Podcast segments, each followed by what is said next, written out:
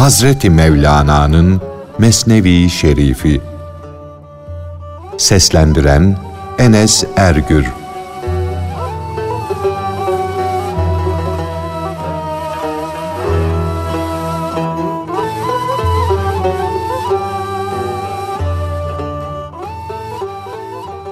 Bir doğan kuşunun viranede baykuşlar içine düşmesi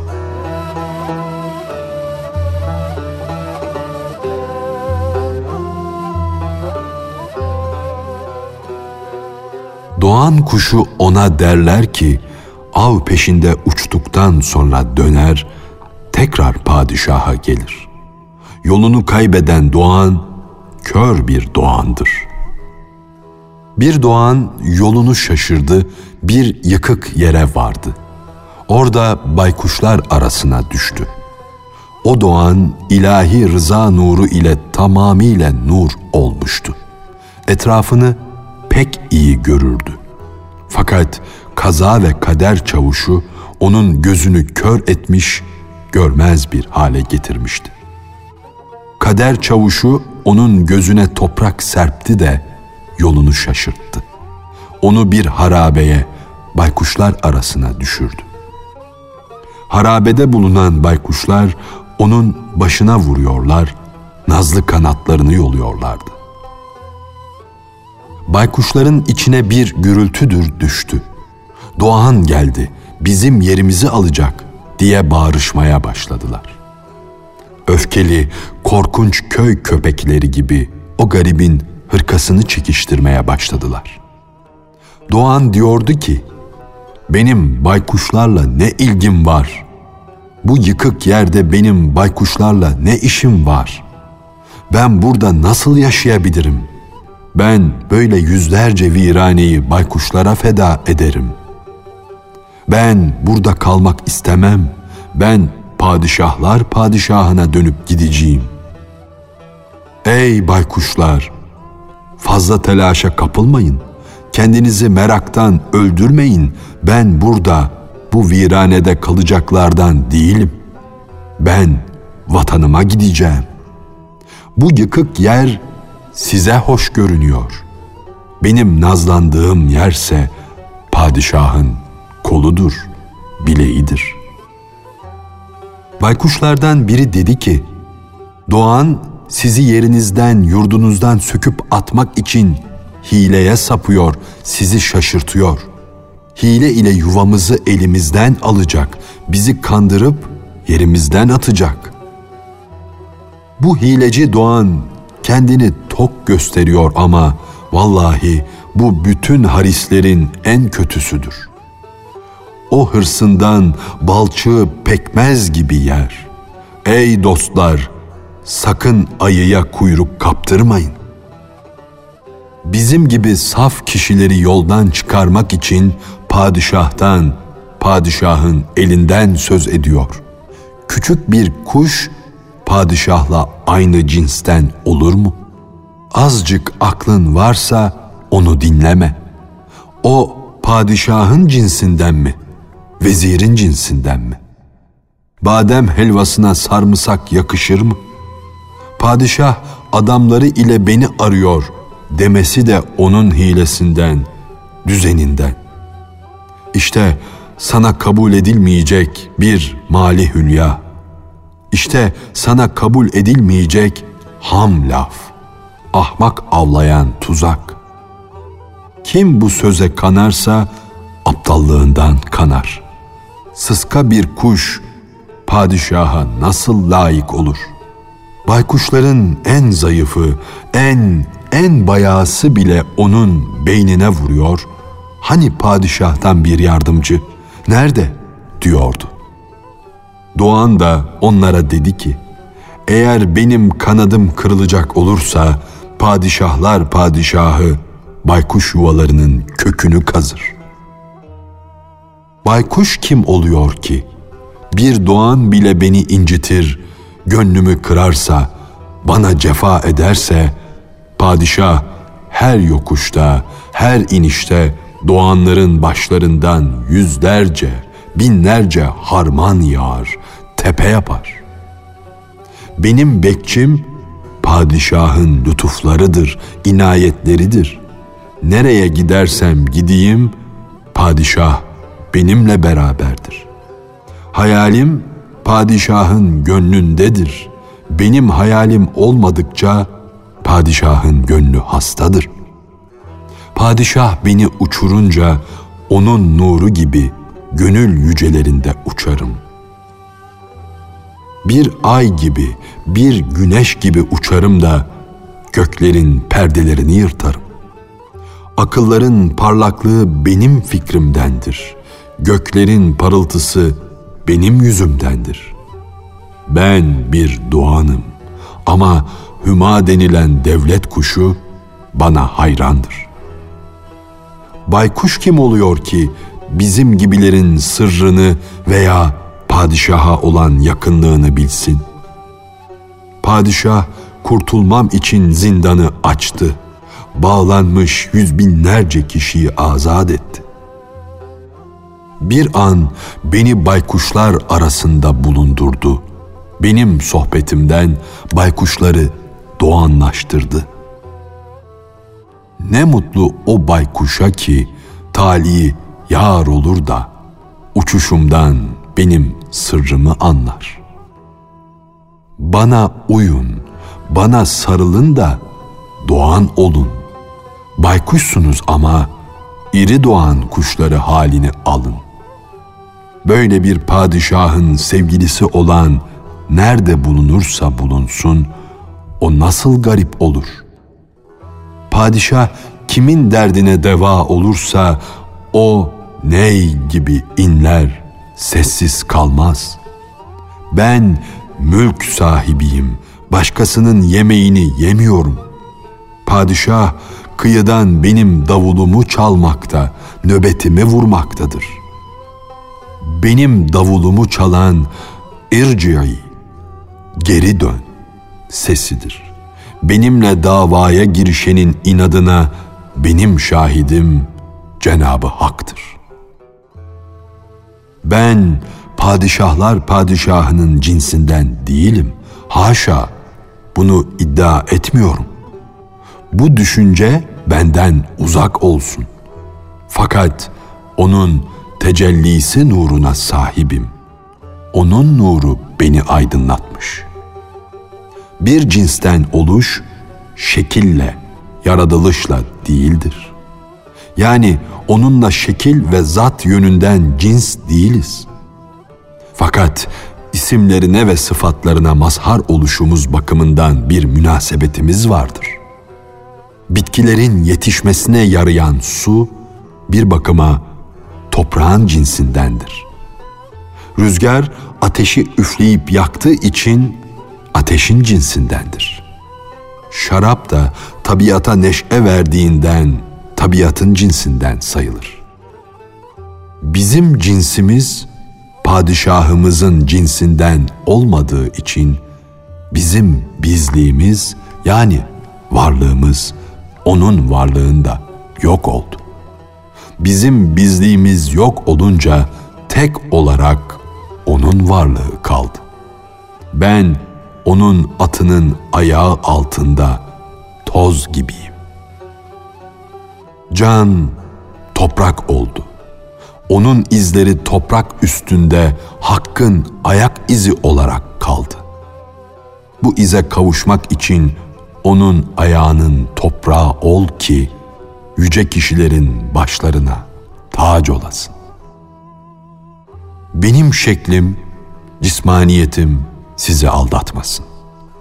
Ahirete göç etmeden önce benim mana şarabımı için ruhani duygularımın meyvelerini yiyin.''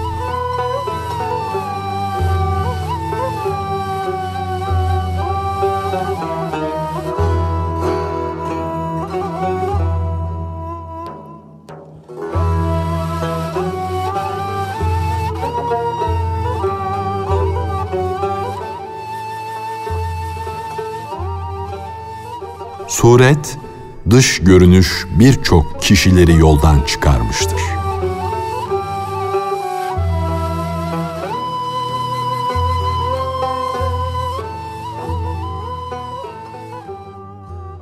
Suret, şekil birçok kişileri yoldan çıkarmıştır. O gibiler velilere saldırdıklarından farkında olmadan haşa Allah'a sataşmışlardır. Bu can da bedenle birleşmiştir. Fakat hiç can bedene benzer mi? Göz nuru göz oyuğunda bir yağ tabakası ile beraber bulunur. Gönül nuru da bir damla kanda gizlidir.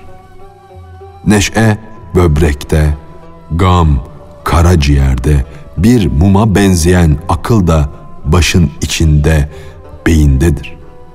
Bu ilgiler, bu ilişkiler nelikten, nitelikten dışarıdadır. Akıllar bunların nasıl olduğunu, niçin olduğunu bilmede acizdir. Külli ruh cüz'i olan canla birleşti. Can külli ruhtan bir inci aldı, koynuna koydu. Meryem nasıl Mesih'e yani Hz. İsa'ya gebe kaldı ise cüz'i can da koynuna koyduğu o inciden gebe kaldı. Fakat o Mesih yer üstünde ve su üstünde yürüyen Mesih değildir. O Mesih'in yüceliği, şanı gezip tozmaktan çok yücedir. Böylece cüz'i can, canların canından yani külli candan gebe kalınca dünya da candan böyle gebe kaldı. Böylece candan gebe kalan dünya başka bir dünya doğurur. Bu mahşer de bir başka mahşer meydana getirir. Bu kıyameti, bu hali kıyamete kadar sayıp döksem anlatamam, aciz kalırım. Bu sözler mana bakımından Ya Rabbi sözüne benzer. Bir yalvarış, bir dua yerine geçer. Çünkü harfler ve kelimeler tatlı dilli bir kişinin nefsine tuzak kurmak, yani onu söyletmek için bir bahanedir. Kulun ya Rabbi diye yalvarmasına karşılık haktan lebbeyk buyur kulum cevabı gelirse kul nasıl olur da susar, nasıl olur da ya Rabbi demez. Bu öyle bir lebbeyk sesidir ki bu sesin baş kulağı ile duyulmasına, işitilmesine imkan yoktur. Fakat başından ayağına kadar bütün varlığınla onun manevi zevkini tadar, heyecanla ürperirsin.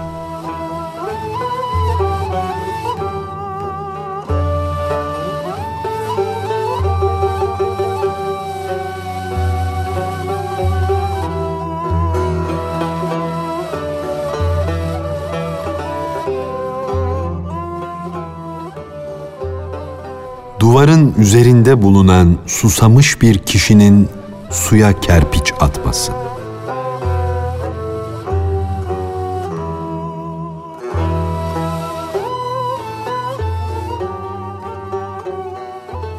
Bir dere kıyısında yüksek bir duvar vardı. Duvarın üstüne de susamış, dertli bir kişi çıkmıştı.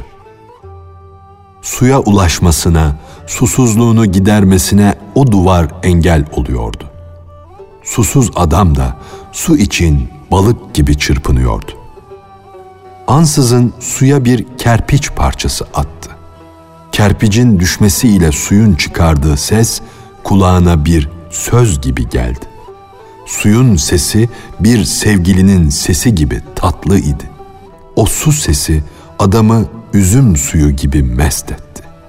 O mihnetlere, dertlere uğramış adam suyun tertemiz sesini duymak için duvardan kerpiç koparıp suya atmaya başladı.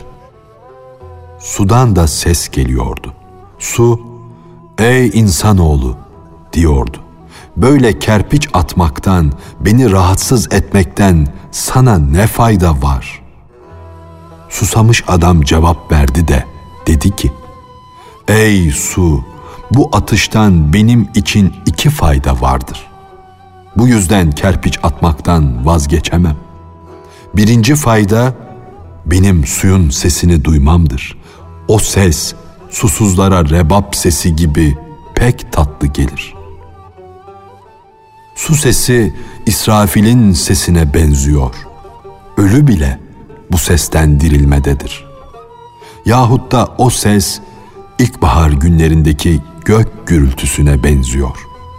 Bu ses yüzünden bağlar, bahçeler güzelleşir, yeşillikle, çiçeklerle dolar. Yahut da o ses yoksula zekat vermek için çağrış sesi yahut da mahpusa hapisten kurtuluş müjdesidir, sesidir. Yahut da o ses Hz. Muhammed'e ağız ve burun vasıtası olmaksızın Yemen'den gelen Rahman'ın nefesine benziyor.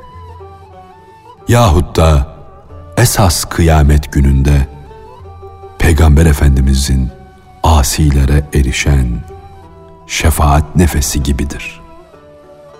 Yahut da o ses zayıf Yakub'un ruhuna ulaşan güzel ve latif Yusuf'un kokusu gibidir.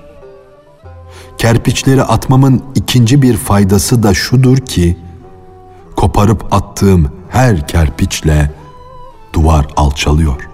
Ben de suya biraz daha yaklaşıyorum.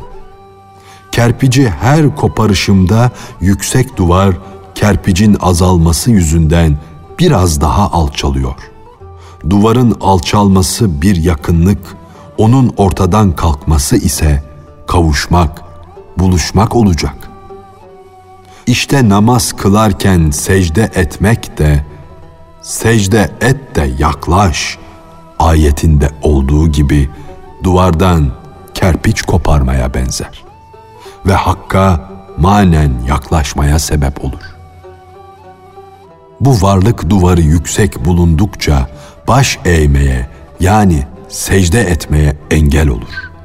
Bu toprak bedenden kurtulmadıkça eğilip abı hayata secde etmek ve ondan doya doya içmek imkanı yoktur. Bu varlık duvarı üstünde bulunanlardan kim daha fazla susamışsa duvarın taşını, kerpicini o daha çabuk koparır, atar. Suyun sesine daha fazla aşık olan kişi ise ona engel olan varlık duvarından daha büyük parçalar koparır. O su aşığı suyun sesinden adeta boğazına kadar şaraba batmış gibi neşelenir, mest olur. Yabancı kişi ise kerpiç suya düşünce çıkardığı sesten başka bir şey duymaz.''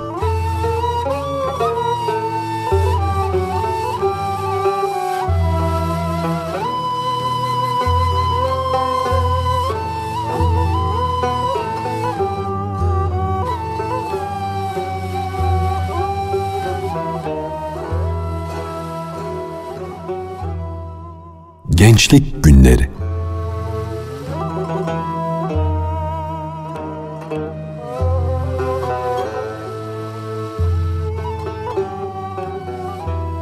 Ne mutlu o kişiye ki gençlik günlerini ganimet bilir de borcunu öder. Yani dini ve insani vazifelerini yerine getirir. Bedeni sapa sağlam iken yüreğinde de vücudunda da güç ve kuvvet varken kulluğunu yerine getirir. O gençlik çağı yemyeşil, terü taze bir bağa benzer. Bol bol meyveler verir. Genç adamın kuvvet ve şehvet çeşmeleri akar durur.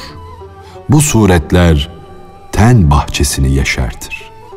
Gençlik yapılmış, döşenip dayanmış, tavanı yüksek, dört duvarı sağlam, onarmaya gereği bulunmayan bir eve benzer.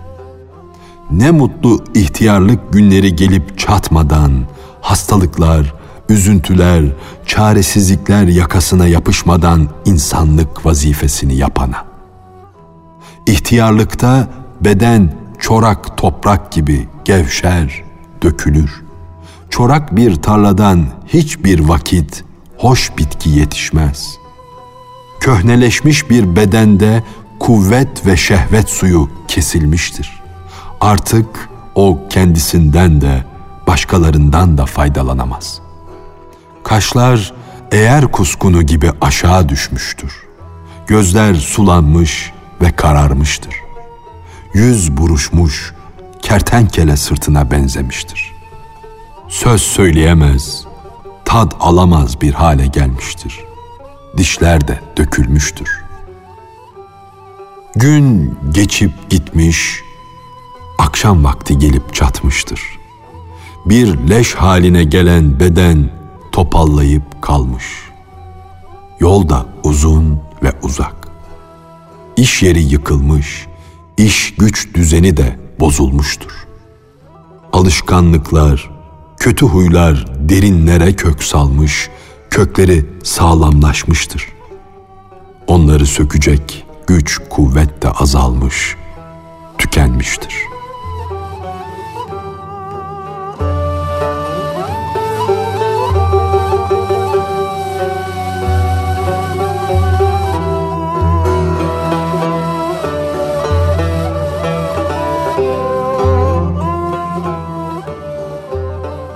Hazreti Mevlana'nın Mesnevi Şerifi. Seslendiren Enes Ergür